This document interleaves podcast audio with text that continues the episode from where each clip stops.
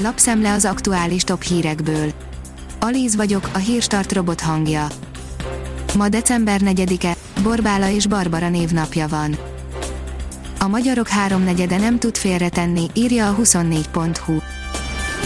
A KSH statisztikája és más felmérések alapján is az látszik, nem reális elvárni, hogy a magyarok félretegyenek a nyugdíjra, a többség számára ugyanis még az átlagosnak gondolt megélhetés sem elérhető, nem hogy a nyugdíj célú megtakarítás.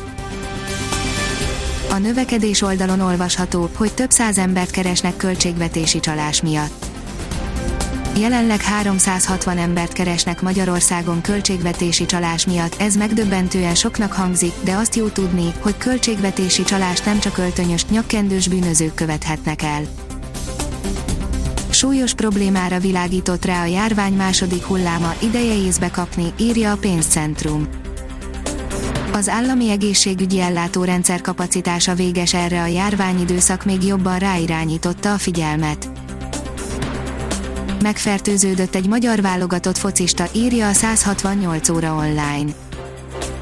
A magyar válogatott játékos csapata a Partizan Beográd legutóbbi bajnokia után érezte magán a tüneteket. A privát bankár oldalon olvasható, hogy nincs könnyű helyzetben, aki aranyba fektetne meglehetősen éles kanyarokat vett az idei évben az aranyár folyama, közben a szakértők tanácsai is rendre változtak, november eleje óta lejtőre került az árfolyam, de az elemzők többsége még mindig új csúcsokat vizionál, igaz, megjelentek a szkeptikusok is.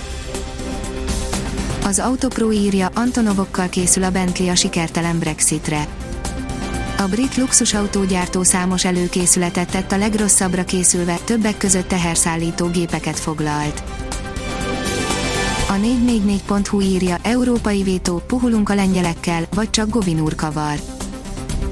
Óvatosan optimisták csak Brüsszelben, miután a lengyel miniszterelnök helyettes arról beszélt, hogy hazája kész feladni a költségvetési vétót egy tanácsi nyilatkozatért cserébe. Ez óriási előrelépés lenne, de közben fontos tudni, hogy Jaroszla Govin egy kicsi pártot vezet, és eddig is egyezkedni akart.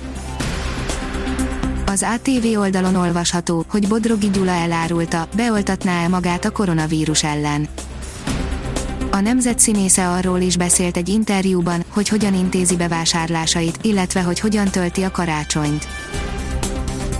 Harmadszor is megműtötték már kezd, fél éves kihagyás várhat rá, írja a formula beigazolódtak a sajtóértesülések, csütörtökön harmadik alkalommal is megoperálták a nyolcszoros világbajnok motorost, a kezelés után pedig akár hat hónapos rehabilitációra is szükség lehet. Nem túl nagy büszkeség, hogy éppen ebben vagyunk Európa elsők, írja az Infosztárt. A szájüregi daganat lakosság arányos kárairól van szó, a Semmelweis Egyetem pedig most részletesen elárulja, hogy lehet ez. A Liner írja, kezd fogyni a levegő Zidán körül. Mint ahogyan azt a tegnap esti mérkőzés utáni interjújában megerősítette, esze ágában sincs lemondani Zinedine Zidánnak, a Real Madrid menedzserének a növekvő nyomás és a sorozatos kudarcok ellenére. Megússzuk a hétvégét eső nélkül, írja a kiderül. A csapadékos időt okozó mediterrán ciklon péntekre elhagyja térségünket, a következő esőzés pedig majd csak vasárnap este éri el nyugat felől hazánkat. A Hírstart friss lapszemléjét hallotta. Ha még több hírt szeretne hallani, kérjük, látogassa meg a podcast.hírstart.hu oldalunkat, vagy keressen minket a Spotify csatornánkon. Az elhangzott hírek teljes terjedelemben elérhetőek weboldalunkon is. Ha weboldalunkon hallgat minket, az egyel korábbi adás lejátszása automatikusan elindul, beállíthatja, hogy az összes korábbi adás, vagy csak az aktuális tematika hírei következzenek. Köszönjük, hogy minket hallgatott!